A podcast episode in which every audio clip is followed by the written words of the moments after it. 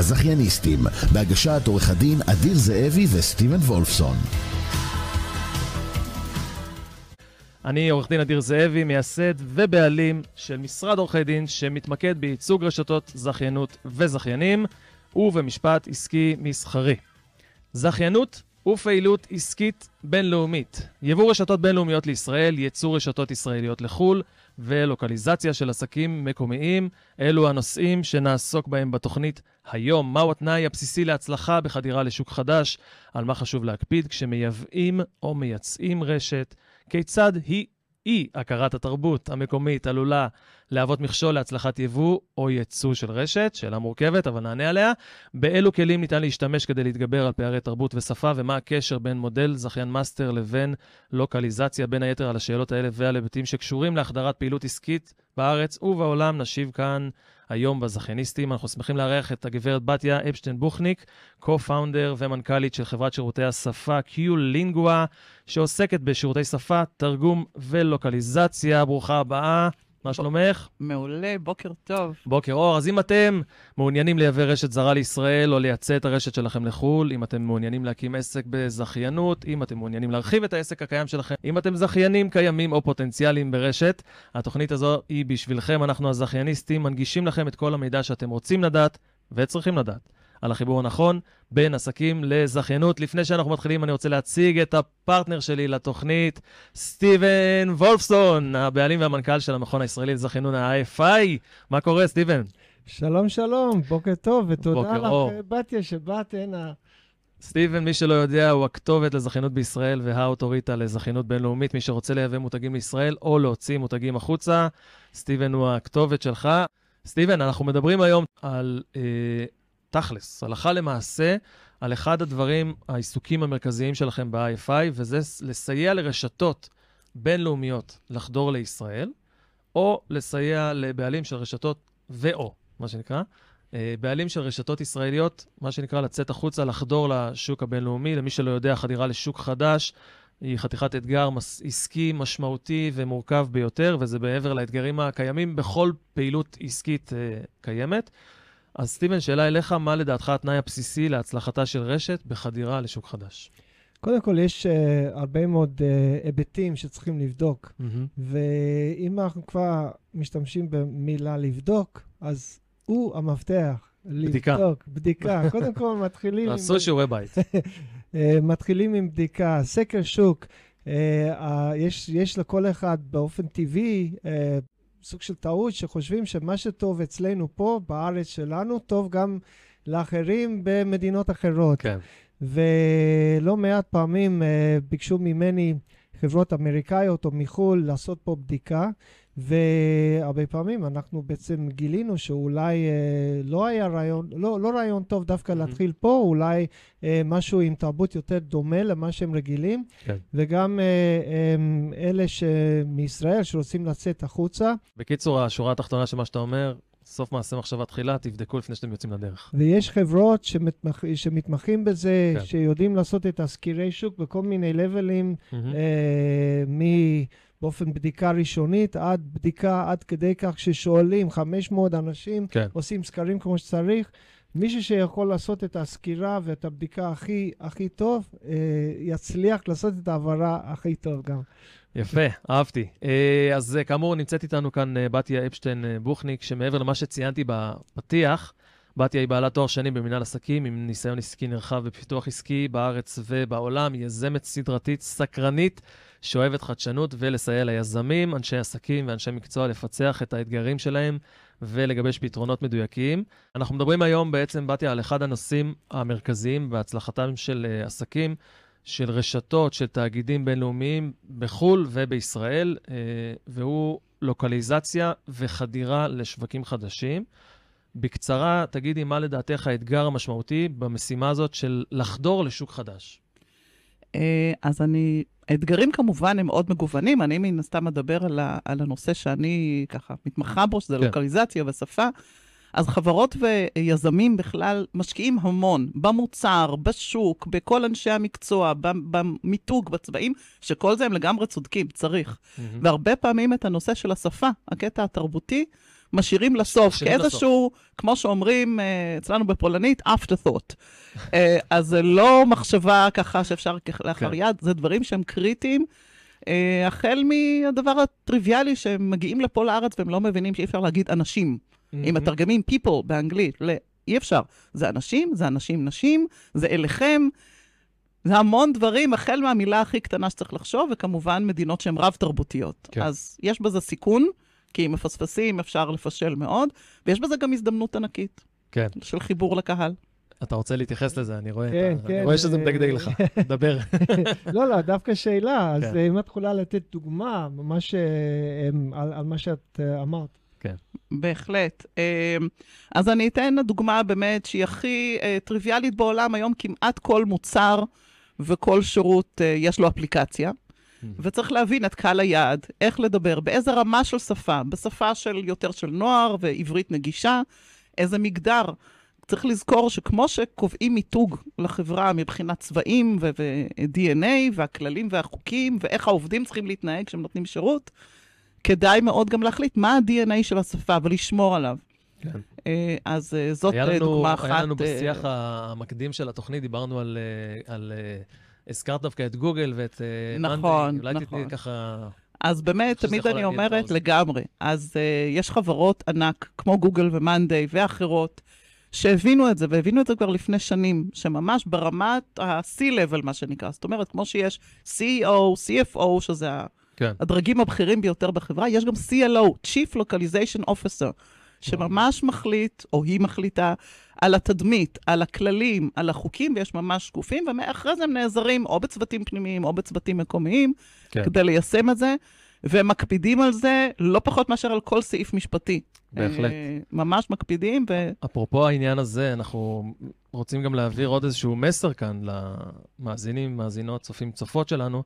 זה רלוונטי גם בגופים שקרובים יותר אלינו, אה, חברות סטארט-אפ או עסקים, אה, שגם יכולים וגם צריכים להשתמש בשירות הזה שאת מתארת, בעצם שירות הלוקליזציה ושפה, אה, כשירות שהוא מקדים לוודא שהם בפעילות העסקית שלהם, מה שנקרא, אה, מקבלים את הייעוץ הנכון בהקשר של השפה.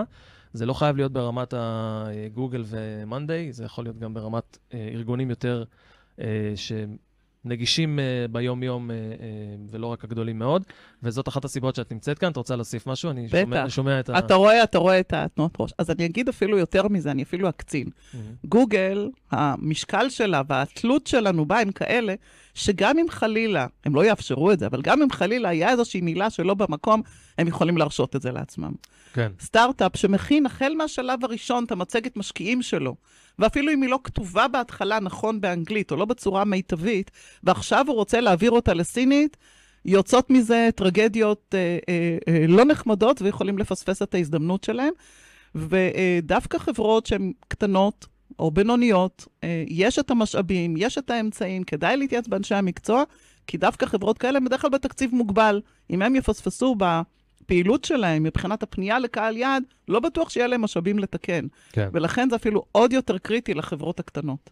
יפה. תגידי, כמה שנים את בתחום של אה, שפה, תרגום ופיתוח עסקי? אז ספרי לנו. אני בעולם השפה, אה, תרגום והייעוץ שקשור לזה 14 שנה, בשש שנים האחרונות בקיולינגווה, אה, ולפני זה אני קרוב ל-15-17 שנה לפני זה בעולמות של פיתוח עסקי, בארץ, בעולם, ככה הכל אה, מתחבר טוב ביחד. עשיר ומרשים. ממש. בתיה, על, על העסק שלך, קצת ספרי לנו על, על העסק. אה, על קיולינגווה. בכיף. בכיף. אז קיולינגווה הוקמה ב-2016 על ידי, אני co-founderית של החברה עם גבריאל, השותף שלי, גבריאל רימברג, שהוא איש טכנולוגיה אה, מאוד אה, ותיק, שעשה גם הסבה ב-2008 אה, לעולם השפה בעצם, והוא מחבר את הדברים האלה. באמת אצלנו בחברה הוא מטפל בכל התשתיות הטכנולוגיות, שיש הרבה כאלה בעולם שלנו.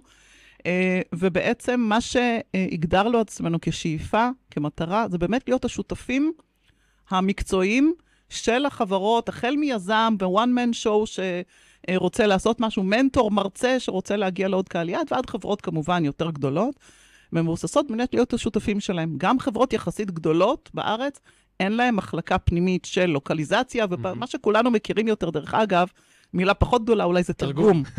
כן, אז בואו, מה שנקרא, נדבר מה שנקרא, בשפת העם זה תרגום. נכון, התרגום הוא כלי, אבל אם עושים את החשיבה הנכונה מאחורה, אז. הכלי הזה עובד טוב. כן. אה, ובאמת, בנינו צוות מדהים. חשוב לנו גם לעשות עסקים בצורה שלנו, ולכל מי שעובד איתנו יהיה נעים. גם לנו, גם לצוות, אה, וגם כמובן... אה, נפלא, זהו, נפלא ממש אז זה מה שאנחנו ממש. עושים שש שנים, וזה תענוג גדול. בתיה, יציאת חברות ישראליות לשווקים בינלאומיים, או כניסה של חברות בינלאומיות לישראל, מה הדבר הראשון שנחוץ אה, לדעתך כדי להצליח? הדבר הבסיסי בעיניי אה, זה להכיר את התרבות. לדעת מי האנשים שם, איזה... אה, להגיד שיש באנגליה רק אנגלית, זה לא נכון. אנגליה זה אחת המדינות הכי רב-תרבותיות שיש בעולם, ויכול להיות שיש חברה ישראלית שאם היא תפנה רק לתת קהל יד אחד שם, אה.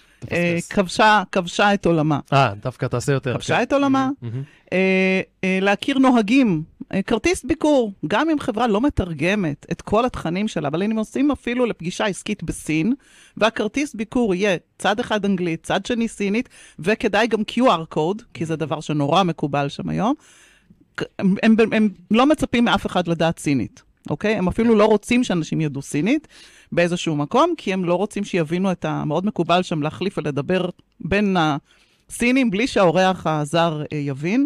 אה, סך הכל מנומסים. מאוד. מנומסים, מאוד מנומסים. תוך כדי מחייכים אליך והכל בסדר, ויאכילו אותך וישקו אותך מדהים, כן. אם אתה עם האנשים הנכונים. אבל זה נכון לגבי, בקנדה לדעת, נכון, מי שיודע שיש צרפתית קנדית, מדהים, יש עוד ניב בתוך זה.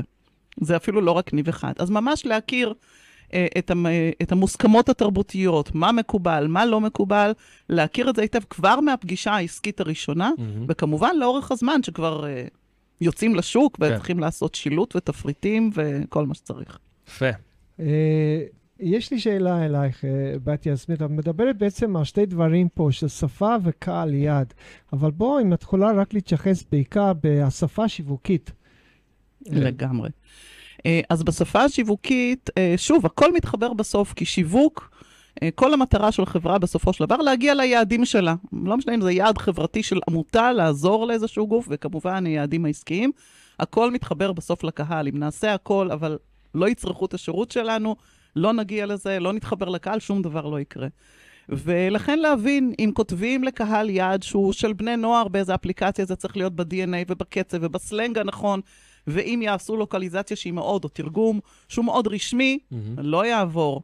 Uh, ומצד שני, אם יהיה, uh, ישאירו את השפה של האפליקציה, הרוסית נניח, שכתבו באפליקציה. כן. בשפה של האפליקציה, בפגישה עסקית עם עורכי הדין או עם היועצים העסקיים, לא ידעו על זה, אבל בזה העסקה נגמרה, כי פשוט לא יכבדו אותם. הצורת פנייה נכונה, uh, להכיר למי מדברים מתי, אפילו באותה חברה, עם אותו מוצר ואותו שירות, זה קריטי. יש פה עניין תרבותי מובהק, צריך להבין, אה, להבין. אותו ולנסח אותו בהתאם. ובסוף השפה היא הכלי שנועד לשרת את זה. יפה. אמ, אדיר, אני פה נכנסתי לשוונג של אה, לשאול את השאלות, אז. יש לי עכשיו שאלה אליך. אולי נתחלף וגם תפעיל פה את העניינים. אוי. ואבוי, אוי ואבוי, אנשים לא ישמעו אותנו וגם לא יראו אותנו, אתה עושה שם עבודה נהדרת. אה, אבל באמת, אה, אפרופו ה- ה- השפה המשפטי, כן, אה, ממקום ש- של- של ההיבט המשפטי, כן. אז קודם כל, בעניין השפה, איך אפשר שלא לדבר על השפה המשפטית? מה לעשות, זה חלק אינהרנטי ומהותי. אני אגיד שכמשרד עורכי דין שמתמחה בתחום העסקי המסחרי, בעולם הזה של רשתות, כולל בינלאומיות, אני יכול לומר שאנחנו הרבה פעמים נמצאים לפני אתגרים שקשורים בשפה המקומית, אה, לא רק בשפה המקומית, גם בשפה המקומית, אבל גם באתגרים יותר משמעותיים שהיא נקראת שפה משפטית. שהאתגר הוא השפה המשפטית. זה, אני לא מדבר איתך כבר על איך אומרים מה, אלא ממש ברמה המשפטית, איך מתנסחים. אה, והרבה פעמים מכאן נגזר הצורך של לשתף פעולה עם משרדים מקומיים, אתה מכיר את זה, את מכירה את זה גם, אה, שמתמחים גם במינוחים, גם בז'רגון המשפטי המתאים, גם, גם כמובן בשפה המשפטית וגם כמובן בחוקים הרלוונטיים. זאת אומרת, אנחנו עוברים פה כבר ל-level נוסף, שהוא החקיקה והרגולציה הרלוונטית באותה מדינה, ואז בעצם גוזרים לאחור כל מה שצריך. לכתוב את החוזים, לנסח, אה, להבין איפה אה, נתדיין אם וכאשר יהיה סכסוך וכן הלאה, מה הרגולציה שקובעת וכן הלאה. אה, וכמובן בסיטואציה שאנחנו לא משתמשים בשפה נכונה, משפטית, או שהצד השני לא מבין את השפה שהשתמשנו, נניח החתמנו עובד על הסכם בשפה שהוא לא מבין, אה, זו חשיפה משפטית של החברה, של הרשת, של, ה, של הזכיין. אה, אני יודע אצלכם, בתיה, שאתם מתמודדים עם סיטואציות כאלה בחברה, מה יש לך להוסיף בעניין הזה? כי אני ככה, עשינו תחקיר בכל זאת. בכל זאת. כן. אז הדבר הראשון באמת, זה לוודא כש, כשעוברים למדינה אחרת, לדעת, אה, קודם כל באמת להיעזר, וזה מה שאנחנו עושים, להיעזר באנשי צוות מקומיים. זאת אומרת, אם זה חוזה משפטי, כן. כמו כל תחום אחר, אה, אז אלא אם כן זה מישהו שחי בארץ באמת תקופה קצרה, אבל אנחנו נעזרים באנשי צוות מקומיים שמכירים את השפה שם היום. מי שמכיר את השפה שהייתה לפני עשר שנים, לא רלוונטי. לא משנה משפטית, שיווקית ואחרת, זה אה, פתח ל, אה, לצרה. ודבר שני, איך המסמכים אמורים להיות ערוכים. בסין, לדוגמה, חוזה משפטי, מקובל שזה משפט או פסקה מתחת לפסקה. נניח אם זה אנגלית וסינית, אנגלית ומתחתיה הסינית. כן. לעומת זאת, בספרד או במדינות אחרות, מקובל שזה מסמך שהוא שני טורים, אחד מול השני. זה נשמע טריוויאלי, אבל כשהולכים למשא ומתן והצד השני מבין שאתה לא מבין אותו, אה, זה כבר מעבר ל... איבדת נקודות. איבדת נקודות, או להפך. כן. אה, הוא כן. מבין שיש לו, אה, מה שנקרא, שיש לו מישהו שלא באמת יודע. כן, כן. ואז יכול לרכב על הדבר הזה ולנצל אותו. אתה אמרת. הבנתי, אני מניחה הבנתי. שאנשים הם השלמתי, צדיקים. השלמתי את הסוף אני בעצמי. מניחה שאנשים הם צדיקים, אבל, אבל קודם כל, ברור, אנחנו צריכים לצאת מקצוענים. אבל אפרופו מה שאת. אומרת, בהחלט, אני מסכים עם זה לגמרי. אפרופו מה שאת אומרת, אה, אני אתן דוגמה, אנחנו מלווים היום במשרד אה, לקוח ישראלי שהקים יחד עם חברים שלו, ישראלים, חברה בדרום אמריקה, לא משנה באיזה מדינה כרגע, לצורך הקמה של פרויקט מסוים, יש שם נדל"ן, יש שם פעילות עסקית וכן הלאה. הסתכסכו השותפים, וכרגע נעשה ניסיון לפתור את העניין הזה, את הסכסוך ביניהם. ואחד הדברים שאנחנו מתמודדים איתו הוא גם עניין השפה המקומית והחקיקה המקומית, כי בסוף מה שחל על אותה חברה בדרום אמריקה זה אותם חוקים של אותה מדינה בדרום אמריקה. אמנם מדובר בישראלים, אבל החברה היא חברה דרום אמריקאית באותה מדינה. אה, והחוק וכל הנגזרות של, של החברה הזאת הוא החוק באותה מדינה. ויוצא שאנחנו מייעצים ללקוח הזה מהצד שלנו, כי הוא בחור ישראלי, משקפים לו איך הדברים נראים בעזרתו של עורך דין מקומי, שבעצם נותן לנו את הקומפורט מבחינת, אה, מבחינה משפטית, מבחינת החקיקה. אה, ובסוף, כשההסכם הזה יבוא לידי אה, אה, מיצוי, או, או הסכם שיבוא לפתרון הסכסוך, אמנם הוא יהיה בעברית, אבל ההתאמה שלו לחוק באותה מדינה היא כמובן בסיסית, ויכול להיות שגם נפעיל אותך בתיה בתרגום של מסמכים אה, וכולי. נדבר את זה אחרי זה. תגידי, אם אה, תהיה נחמד בשידור, נשקול את זה. קצרה ככה אה, על עולם שאנחנו נמצאים בו, עולם האפליקציות והתוכן הדיגיטלי, איך זה קשור לעולם השפה, איך עושים את זה נכון? איך זה לא קשור? שאלה יותר נכונה. דברי אליי. אה, אז אה, קודם כל צריך אה, דבר שכדאי, אנשים לא תמיד חושבים על, חושבים על זה, אנחנו נתקלים בזה הרבה, שאנשים באים, מגיעים אלינו שכבר יש להם אפליקציה כתובה ומוכנה, מהמם. רוב המקרים זה באנגלית, כי זו שפת המתכנתים, ועכשיו, אוקיי, בואו נעביר את זה לשפות אחרות, ואז מתחילים להתמודד עם האתגרים. החל מהדבר הטריוויאלי, שאם הם לא נעזרו בשלב הראשון בגורם מקצועי שעזר להם, אני אתן את הדוגמה שהיא הכי נפוצה בעניין הזה, מאנגלית לגרמנית. אפשר להגיד כן או לא בעברית, או ביטוי קצת יותר ארוך, אה, ובגרמנית לפעמים קורה שמתחילים מילה ששוכחת להיגמר שלוש שורות אחרי. עכשיו, מה עושים באפליקציה? אז אם מתכננים את זה נכון, אז אפשר להיערך לזה מבחינת פיתוח. העלויות אחר כך של לכתוב, לעשות שינויי פיתוח, תכנות בתוכנה זה הון עתק. כן. אה, ודבר שני, להיעזר בגורם מקצועי שיודע איזה קיצורים רלוונטיים. אי אפשר לקחת את הקיצור בעברית של גברת או אדון ולהשליך את זה על שפה אחרת, זה לא עובד. אה, אז אה, בוודאי בעולמות המקצועיים, אנחנו עובדים הרבה עם עולם המכשור הרפואי, אנחנו עובדים הרבה עם עולם הסייבר, הטכנולוגיה, ששם יש גם מונחים מקצועיים מעבר ליומיום שלנו, כן, שממש ספציפיים. ספציפיים, ספציפיים מהעולם כמובן. הפיננסי. אה, אז זה דבר אחד. דבר שני, להכיר, אם אני אומרת מדברים, זה הסיכוי, כי אם עושים את זה נכון, חוסכים הרבה כסף, מגיעים לשוק יותר מהר ופוגעים, נוגעים בקהל היעד. בהחלט. הדבר הנוסף, נגענו באמת קודם, שזה התאמה לקהל היעד. לא דומה אפליקציה שמיועדת לרופאים, לאפליקציה שנועדת למשחקים לבני נוער. השפה צריכה להיות אחרת לגמרי. אה, וצריך להכיר מבחינת הסיכונים המשפטיים. אה, מה שנקרא GDPR. כן. אה, אה, ה-General Data Protection Regulation, כן. בדיוק. אה, וצריך לדעת שזה חקיקה מחייבת למי שיוצא לאיחוד האירופי, ודוגמה, מה שנקרא קטנה, טיק טוק הגדולה, יצאה עם האפליקציה לנוער בהולנד, כן. אבל הם שכחו לתרגם את אה, מדיניות הפרטיות, מסמך שנמצא בכל אתר, חטפו קנס של 900 אלף יורו. כן. אז טיקטוק יכולים להרשות כן. לעצמם. אהמ. אז אה, זה ככה עבר בתור איזושהי טעות חישוב בדוחות הכספיים. אה, אבל חברה יותר קטנה, גם אם היא תקבל קנס של 20 או 30 או 50 אלף יורו, זה יכול להיות מאוד לא נעים. בלשון המעטה, הרי. אסון, וצריך לדעת ולהכיר, ולעבוד עם שותפים שיודעים להזהיר אותך. בהחלט. לא מספיק להגיד, קח את המסמך, אלא לשאול שאלות. אולי נגיד מילה אחת על ה-GDPR, ככה, סתם ככה, נסבר את האוזן, שזה בעצם הרגולציה או ההסדרה הכללית להגנה על המידע, שזו בעצם הרגולציה אה, אה, שהיא אוסף של הוראות שמחייבות, שהוסדרו על מנת להגן על אנשים נושאי מידע בטריטוריה של האיחוד האירופי. אה, כל מה שקשור לאיסוף, שמירה, עיבוד אה, נתונים וכן הלאה, והעברה של הנתונים האלה של, אה, של אנשים אה, פרטיים. אה, רגולציה מטורפת, אה, רק הפרק השני כולל 99 תתי פרקים. אה, היא חלה, הרגולציה הזאת, על כל ארגון ועל כל אדם שבא באיזשהו מגע עם מישהו בטריטוריה של האיחוד האירופי, אה, כמובן ברמה של עיבוד נתונים ושמירתם וכן הלאה. אה, והנה, נתת דוגמה למה קורה כשלא מצייתים להוראות האלה, והנה טיקטוק אה, אה, חטפו, אבל יסבלו את זה, וכנראה שחברה קטנה לא הייתה סופגת את זה. אז אה, כן, כן, יפה. אה, אכן, אה, זה גם, זה גם מעניין ויכול להיות גם אפילו מפחיד.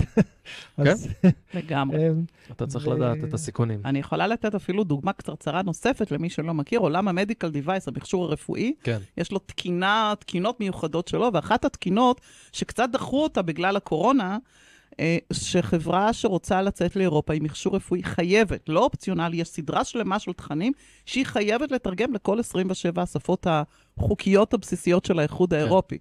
אז הם קצת קיבלו גרייס, כי אמרו, טוב, קורונה, וקשה, ובסדר, תמתינו, אבל עכשיו זה בהדרגה מתחיל להיאכף, ואנשים צריכים לדעת את זה, לא יודעים, כשהם יצאו לשוק, אה, הם יצטרכו, כן, לגמרי, אגב, זה צריך אירוע לדעת לגמרי. את זה, אה, אפרופו התכנון המקדים, אלה הדברים שצריכים להיכנס לבאג'ט, לתקציב לגמרי. של החברה, לתוכנית העסקית, כי זה, זה, זה משנה נכון מאוד, הדבר הזה. שלקחת את הדברים לא לקחת את זה האלה. מראש בחשבון, פספסת ובגדול. אה, זה גם להפך, דרך אגב. אם נעזרים בגורם הנכון, הוא יכול לעזור לכם ול- לחברה כזאת, ולהגיד, אוקיי, זה הדברים שקריטי, אל תעשו את נכון. האתר שלכם רק באנגלית. נכון, מתוך האתר זה מספיק שתעשו את א', ב', ג', בשביל להגיע ליעדים העסקיים שלכם, מגדירים מה היעד, והדברים האחרים, נחמד, nice to have, לא חייבים. לא must, כן. וזה יכול גם להיות חיסכון דרמטי. אז נכון, בהחלט. בכל זה תלוי דבר- מאיפה את נכון, כל דבר להיעזר באנשי מקצוע. אני, אם, אם את יכולה בעצם גם uh, להדגיש טיפה על, ה, על בעצם ה, ה- החשיבות של ההיכרות האישית שלך לתוך הנושא ועם עם, עם, עם אנשים שעם, עם מי שאת עובדת איתם. לגמרי. אז קודם כל, יש לי באמת, כמו שאמרתי, מעבר לשנים האחרונות שאני בעולם השפה וייעוץ, אז אני באמת הרבה שנים בעולם של ייעוץ לסטארט-אפים, ואני מאוד אוהבת uh, לראות דברים חדשים צומחים, אז זה דבר שמרתק ומעניין אותי. ודבר שני, באמת, אנחנו מקפידים כל העבודה שלנו uh, עם אנשי מקצוע, לא רק אנשי שפה. אה, אורחים, בקרת איכות וכו', אלא גם אם צריך עם אנשי מקצוע ספציפיים, זה יכול להיות רופא מתחום מסוים, איש רגולציה מתחום מסוים, שנמצאים באותה מדינה, ומוודאים איתם החל מטרמינולוגיה, ולפעמים גם דברים נוספים, אפילו SEO, מה שנקרא מילות קידום, אם מישהו כן. אומר לנו מהמם. לתרגם אתר, אי אפשר לקדם את זה בהכרח עם אותם מילים שמקובלות בארץ, צריך להתייעץ עם איש מקצוע מקצועי, כן. אחרת הם לא יבינו למה האתר לא מתרומם במדינה אפרופו, מסוימת. הייתה לנו על זה שיחה אה, לסטיבן ולי לא מזמן, בדיוק בעניין הזה, על המינוחים בעולם הזכיינות, איך הם באים לידי ביטוי בישראל, ואיך הם באים לידי ביטוי בחו"ל ובמדינות באירופה ו... אני יכול, להוסיף ש... זה? אני יכול להוסיף שזה לאו דווקא קשור לזכיינות. יש לי כרגע... כן, אני זרקתי את זה כן. כי בכל זאת אנחנו... כן, אז אה, אחד הפרויקטים אה, שאני עובד עליו כרגע זה שאני עוזר לחברה הישראלית להתפתח ל- לאנגליה. כן. וקודם כל יש לונדון, רק בתוך אנגליה, מדינה בתוך מדינה, ממש Mhm. ככה, וכל הדברים האלה הם כל כך, כל כך רלוונטיים. כן, כן. קטענו אותך. אה, בואי נהיה רגע, בחזרה הייתה השאלה בעצם, למה היא חשובה, ההיכרות הזאת עם קהל היד, ומה הסיכונים והסיכויים. בואי נמשיך את הנקודה הזאת. לגמרי. אמ, אז אה, אה, דיברנו קצת על הנושא באמת של אה, אה, סיכון וסיכוי. נכון. אה, אם פונים, אה, אה, אם פונים בצורה לא מדויקת אה, לקהל יעד, או פונים אפילו בצורה לא ברורה, אנשים משקיעים המון, ודף הנחיתה בארץ, לדוגמה, נלך מהדבר הכי טריוויאלי, דף נחיתה למוצר צריכה, עובד נהדר, ומשקיעים ועושים קמפיין, ובסוף כפתור ההנאה לפעולה הוא לא מה שמקובל כרגע באותו שוק. אה, יכול לפעמים לקחת המון זמן עד שמגלים. ולקוח כן. אחר, לדוגמה שליווינו לפני כמה זמן, חברה מדהימה מאזור הצפון שמפתחת מוצרים ושתלים דנטליים, פנו אלינו ב-2000, בסוף 2019, ב-2020, שנתרגם להם את הקטלוג, זה קטלוג עצום, הם פעילים כן. בכל העולם. אמרנו, תקשיבו, בואו נחסוך לכם כסף, תרגמתם כבר בעבר? כן, אמרנו, יופי, תנו לנו את הקטלוג של 2019, יש לנו גם כלים של עיצוב, לא ניכנס לזה כרגע. תנו לנו את הקטלוג של 2019, בואו נראה מה יש שם, ונעשה רק את העדכון, יכול לחסוך לכם הרבה אלפי שקלים, אם לא יותר. כן. אה, והעברנו את זה להתייעצות עם הצוות שלנו בדרום אמריקה, הספרדית בדרום אמריקה, והם פשוט התחלחלו. קיבלנו מייל מפורט ומסודר מהצוות, אה, שאומרים, תקשיבו, אנחנו לא מבינים איך הם פעלו פה. יש בספרדית כמה רמות של שפה, יש שפה שהיא יותר שפה מקצועית, בטח בתחום הרפואה, ויש מה שנקרא שפת רחוב. כן. בצורת הפנייה שם, מעבר, אני לא מדברת על המק"טים, אבל צורת הפנייה שיש מסביב טקסט שיווקי בכל קטלוג, הייתה ממש בשפת רחוב. אה, והיה צריך לעשות את כולו מחדש. וואו. אז אה, אני לא יודעת כמה שנים אחורה הם עבדו עם הקטלוג ההוא, אני מקווה שלא הרבה. טוב. אה, אבל חשוב לדעת ולהכיר, זה נכון גם לגבי הונגריה, שיש מיליון צורות פנייה שונות, לרמות כבוד שונות, לרמות אה, כן. מקצועיות שונות, אז ממש להיזהר, זה סיכון כן. לא נחמד. שאלה אחרונה לפרק הזה בעצם בתוכנית, אחרי זה אנחנו נעבור קצת יותר לדבר על אה, לוקליזציה. time to market, שם המשחק, רכיב משמעותי בהצלחה. כיצד לדעתך גורם מקצועי בתחום השפה יכול להשפיע על ההתקדמות של המיזם על ציר הזמן ועמידה כמובן בלוחות הזמנים, בסוף כדי להביא לחדירה יעילה לשוק. לגמרי. אז קודם כל, אה, זה לא סוד שאנחנו פה מדברים לקהל הישראלי, והקהל הישראלי, לצערנו, אנחנו נתקלים בהרבה מאוד מקרים, אוקיי, יש לנו הכל, השקיעו הון עתק בכל הרכיבים של הפעילות, שזה נהדר, והם צודקים, צריך להשקיע נכון, אבל הם מגיעים לקראת השקה, טוב, בעוד שבועיים אנחנו רוצים את החומר הזה והזה והזה, לפעמים בשפה אחת, ולפעמים גם ב-15. אה, לפעמים זה קרוב מאוד לשלב שאם הם לא ימסרו מסמכים של מחקר קליני לרגולטור בזמן מסוים, הם יכולים לפספס שנה, Mhm. אוקיי? שזה אה, פשוט אה, אה, יכול להיות אסון. אה, אז קודם כל לתכנן, לתכנן מראש. לא לשכוח את הנושא הזה של היציאה לשוק ושהדברים לוקחים זמן, ואם רוצים שאנשי מקצוע יעברו ויעשו עבודה יסודית, לתת לזה את הזמן שצריך, זה יכול להיות עבודה במקביל. כן. ולהיערך. זאת אומרת, אז לעבוד עם פרטנר מקצועי שיודע לתמוך.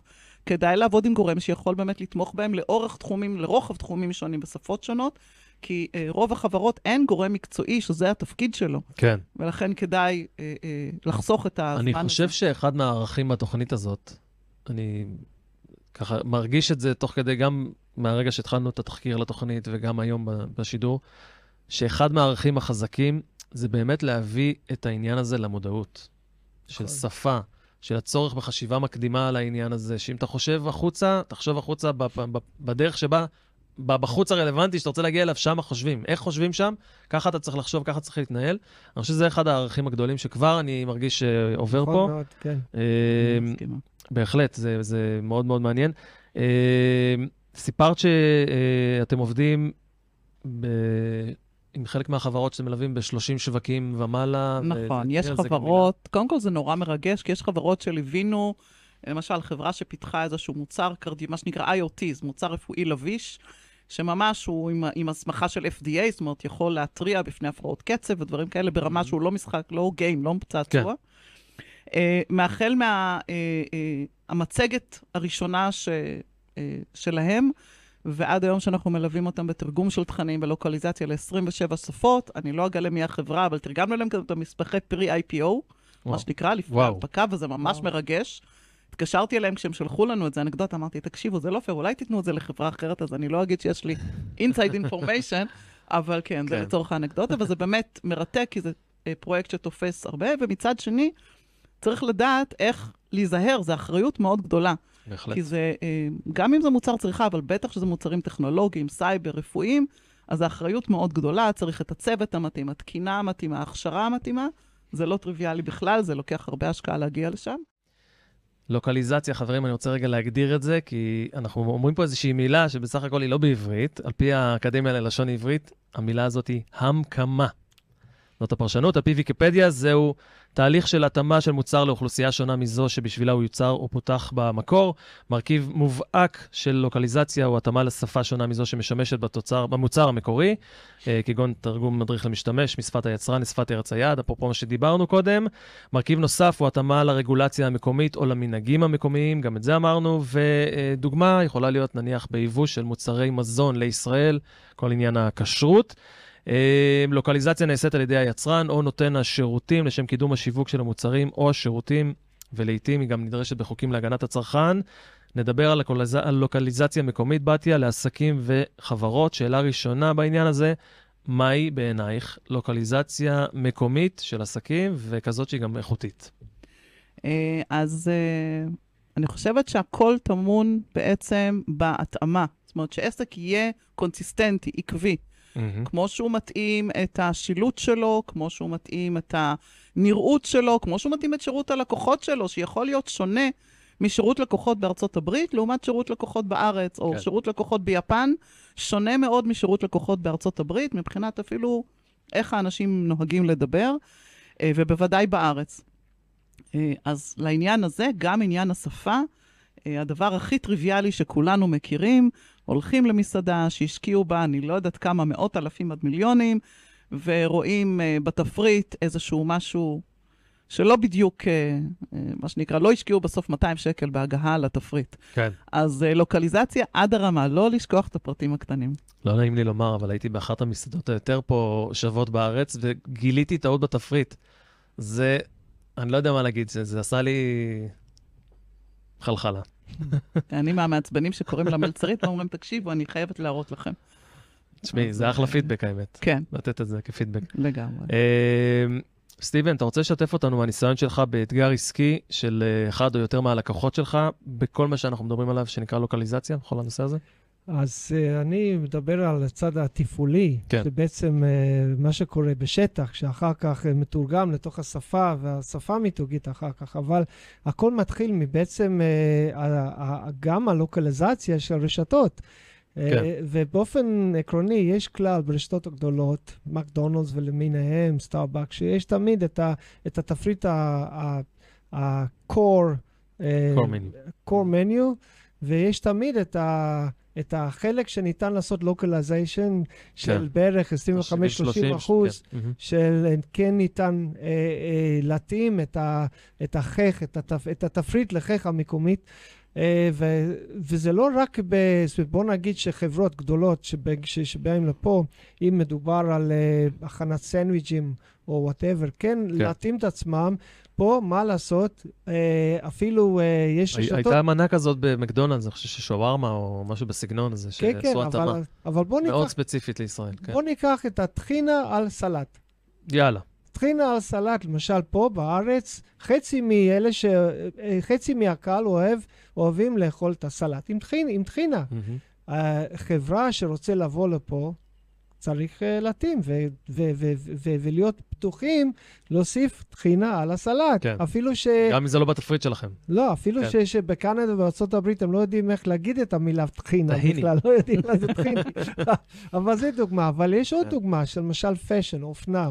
שאני עזרתי לחברה משקפי שמש אה, לצאת לחו"ל, ואתה יודע, הישראלים הם מאוד אה, שמרנים. שמרנים, הכל אה, בשלוש אה, שחור, אפור, חום, זהו, זהו. כחול גם. אה, נכנס גם כחול. אתה- עכשיו, כן, אבל, אה, אבל אה, למשל אה, באזורים אחרים, במיוחד שיש אה, אה, אווירה של חופש, כן. אנשים רוצים להרגיש בחופש, ורוצים ל- ללבוש כחול וירוק וכל האדום, אדום, ו- ו- ואכן, אה, לא הבינו למה אנשים לא קונים כן. את, ה- את, ה- את, את את המוצרים. הקולקציה. את כן. הקולקציה, אז לכן אה, אה, מי שרוצה לצאת, לעשות את ה... אה, ש, כמו שהתחלנו בהתחלה, סקר שוק, להבין, להבין, לגעת ולגעת בחוויית הלקוח בסופו של דבר, אה, מה הם רוצים, ולעשות, וזה הכל אה, מסביב זה הכל העולם של, localization, כן. לגמרי, יפה, דוגמאות מגניבות לאללה. בתיה, איך ניתן לסייע לרשתות ולחברות להגיע ולגעת בצורה מדויקת בקהל היעד שלהם. אה, אז אני אתחבר למה שסטיבן הרגע אמר, חוויית הלקוח. בסוף, כל מה שאנחנו עושים מתנקז בסוף ללקוח. נכון. שצריך ל- לרצות, להתחבר אה, למה שאנחנו רוכשים. זה צריך לגעת באיזה צורך שלו, כאב שלו, ערך שהוא מחפש, כן. ולתת את הערך הזה. ואם לא ניתן את זה בשפה שמתחברת אליו, זה לא יעבוד. ושפה זה רגש. אנחנו יכולים לספר לעצמנו שאנחנו קונים בגלל שזה 9.99 שקל, או כל דבר אחר, אבל בסוף אנחנו קונים לחיבור. אחד, אה, אחת הדוגמאות זה ישראל, וזה נכון גם להרבה מדינות אחרות. יש כאן ציבור מאוד גדול, אנחנו תשעה מיליון אנשים, אבל מתוכם יש 1.4 מיליון דוברי ערבית, ומיליון דוברי רוסית, וחצי מיליון דוברי צרפתית. וגם האנשים, דרך אגב, רוב האנשים האלה, כן, הם מדברים עברית, למדו אותה בבית ספר, עדיין השפה שהם מתחברים אליה רגשית, כן. שנקרא, זה השפה מהבית. שפת האם, כן. שפת האם, וזה בוודאי נכון ל- ל- לכל שוק אה, שיש, אה, יש היום בעולם יותר ויותר שווקים רב-תרבותיים, כן. גם אם הם לא היו כאלה בהתחלה. אה, דיברנו וזה דבר איתך, ממש קריטי. זה דבר בהחלט קריטי, ודיברנו איתך על... נתת איזושהי דוגמה באחד הדברים שדיברנו בתחקיר, על אפליקציה למטופלים בבתי חולים באזור ירושלים. תני על זה מילה. זה נכון, סופר נכון. אה, מעביר את המסר ומעניין. זו חברה פשוט מדהימה, אה, שפיתחה אפליקציה שמשתפת בין, מקשרת בין המטופל לאנשים שמטפלים בו, כמו מטפלת, או כן. אה, בן או בת או הורה, ב- לצוותים הרפואיים. אז קודם כל, השלב הראשון, מי שכתב את האפליקציה הזאת, כמו הרבה מאוד מקרים, זה אה, המתכנתים. נכון. והיה צריך קודם כל, העברנו את זה לרופאה מקצועית בתחום, שעובדת עיננו, קודם כל, שבאמת יהיו את המונחים הרפואיים הנכונים. הדבר השני, באמת לאפליקציה, שני קהלי יעד בתוך זה. אחד לרופאים, אז הם צריכים לדבר בשפה בשפה הרפואית, שלהם, כן, כן. הדיאגנוזה של האנמנזה של כזה, שפה לא של בני אדם. כן. אה, אז האפליקציה קודם כל מדברת בשפה הרפואית המקצועית כשהיא פונה אליהם, ואם נכנס המטופל, עשינו בתוך זה עוד איזה שני תתים דרך אגב, עשינו מראש, הרי זה מלכתחילה אפליקציה אישית, פרסונלית. כן. אז מראש, אם מישהו מגדיר את עצמו כמגדר זכרי או נקבי, כל האפליקציה מדברת בשפה הזאת. כן. והבנו גם, הם, הם עשו ניסויים קליניים, ניסויים ראשונים, אחד בבית חולים בירושלים ואחד בבית חולים בחיפה. ועשינו שם שני ניבים שונים. תרגמנו להם את האפליקציה, דרך אגב, מאנגלית לעברית, ערבית ורוסית, בשלב הראשון לקהל בארץ. כן. הבנו אה, וייעצנו להם, וזה מה שעשינו בסוף, שהיו אפליקציות עם שינוי קטן. מהמם. הערבית שמדוברת בירושלים, במזרח המדינה, שונה בחלק מהניבים המדוברים מאשר העברית, בגליל, הערבית, סליחה, הגלילית, שהיא כן. יותר ערבית של בצפון. צפון הארץ מהמם. וכו'. וממש היו שם משהו כמו 20 אחוז של הבדלים בצורת הפנייה, בצורת המונחים. אה, מגע- זה מגע ממש- אישי. לג... היום מגע אישי זה שם המשחק בכל כך הרבה דברים, וגם בעולם הזה. יפה. יש רצית, לך, רצית אה, לשאול משהו. כן, איזשהו אה, סיפור פיקנטי של אה, דוגמה של משהו ש- שחיווית. אה, אז כן, אחד הדברים ש... אחת החברות, שני יזמים מדהימים, אחים, אה, חבר'ה ישראלים, שהבינו, זיהו, שאין בארץ אף אתר משקפי שמש, דיברת על משקפי שמש, סטיבן, אה, אין אף אתר משקפי שמש, הוא בערבית כולו. מהמם. לא נגיד שמות של רשתות, אבל הרשתות הכי גדולות, נכנסים אליהן, אין אה, תוכן בערבית. ויש קהל מודרני, עדכני, צעיר, שזה מה שהוא מחפש, וזה מה שהם עשו. הם עשו אתר שהוא בערבית, אחר כך גם ייצאו אותו לעולם, כי זה אחלה הזדמנות, אה, וזה אתר שפשוט מצליח בצורה מדהימה, ויש לו קהל יעד נפלא. יפה. הייתה לנו דוגמה שדיברנו בהכנה לתוכנית על פמפרס. תתני את הדוגמה הזאת, כי היא אוי. מאלפת ברמות אחרות. זה לגמרי. אז צריך לזכור שלוקליזציה כן. ותרגום זה ממש לא רק התוכן המילולי. מהמם. פמפרס, חברה ענקית, יש לה את כל התקציב שבעולם לעשות את כל הסקרים. כל, אם, אני לא יודעת מי שמכיר או לא, מי שיש לו לד- ילדים בגיל הזה לא זוכר. כן. הסמל המסחרי שלהם זה חסידה שמביאה את התינוק, זה איזשהו דימוי שכולנו מכירים, איך באים ילדים לעולם. חסידה חסידה. מביאה אותם. מהמם. יצאו עם קמפיין ענק בסין, זה קמפיינים של החברות האלה, הם רק השיווק, הקמפיין עולים עשרות מיליוני דולרים, אם לא יותר, ויצאו עם הקמפיין ביפן. הבעיה שביפן לסמל הזה אין שום משמעות. שם מי שמביא ילדים לעולם, הם ילדים מגיעים או מאפרסק, או משיח של אה, שיח במבוק. וואו. לא היה לאף אחד שום קונטקסט לדבר הזה, ומה חסידה, מה, הם- מה רוצים מהם בכלל. היו צריכים לגנוז את כל הקמפיין וכו', ואם כבר מדברים על משהו שלא דיברנו וואו, בתחקיר, וואו, מקרה דומה מיצובישי, יצאו עם מיצובישי פג'רו כן. לדרום אמריקה, למדינות דוברות ספרדית. אז אנחנו על גלי האתר, ואני לא אגיד מה אומרת המילה פג'רו בספרדית, זה מילת גנאי מאוד מסוימת. וגם שם, המיצובישי הגדולה נאלצו אה, יאללה. לגנוז קמפיין שלם. אז כן. אני אה, באמת שואל את עצמי איך דבר כזה קורה בכאלה קונצרנים. גדולים. כאילו, מה מה עובר לכם בראש, אנשים? אני- יש לי הרבה לא דוגמאות חסר כאלה. כסף יש לעשות מלא. את כל יש הבדיקות לי האלה, המון כן? דוגמאות האלה של החברות הכי גדולות. ולכן כן. חזרנו לאותו נקודה לעשות בדיקה. כן, ממש ככה, ממש ממש ככה. טוב, אנחנו אה, שועטים, אה, השעון לא עוצר מלכת, אז בואי אה, נעבור קצת לשלב העצות. בתיה, עצה, עצה אה, שאת יכולה לתת לזכיין, איזו עצה את יכולה לתת לזכיין? אה, אם אני אדבר על הזכיין הישראלי שרוצה, יש לו איזושהי פעילות, זה יכול להיות זכיין, זה יכול להיות גם מישהו שיש לו קורס דיגיטלי. וההשקעה בזה היא מאוד גדולה, ברשת, במיתוג, בקורס, בתוכן, בווידאו, ועכשיו אנחנו רוצים לשווק. אפשר הרבה פעמים לזהות שוק מסוים, גם פה בארץ, כמו החבר'ה האלה עם המשקפי שמש. כן.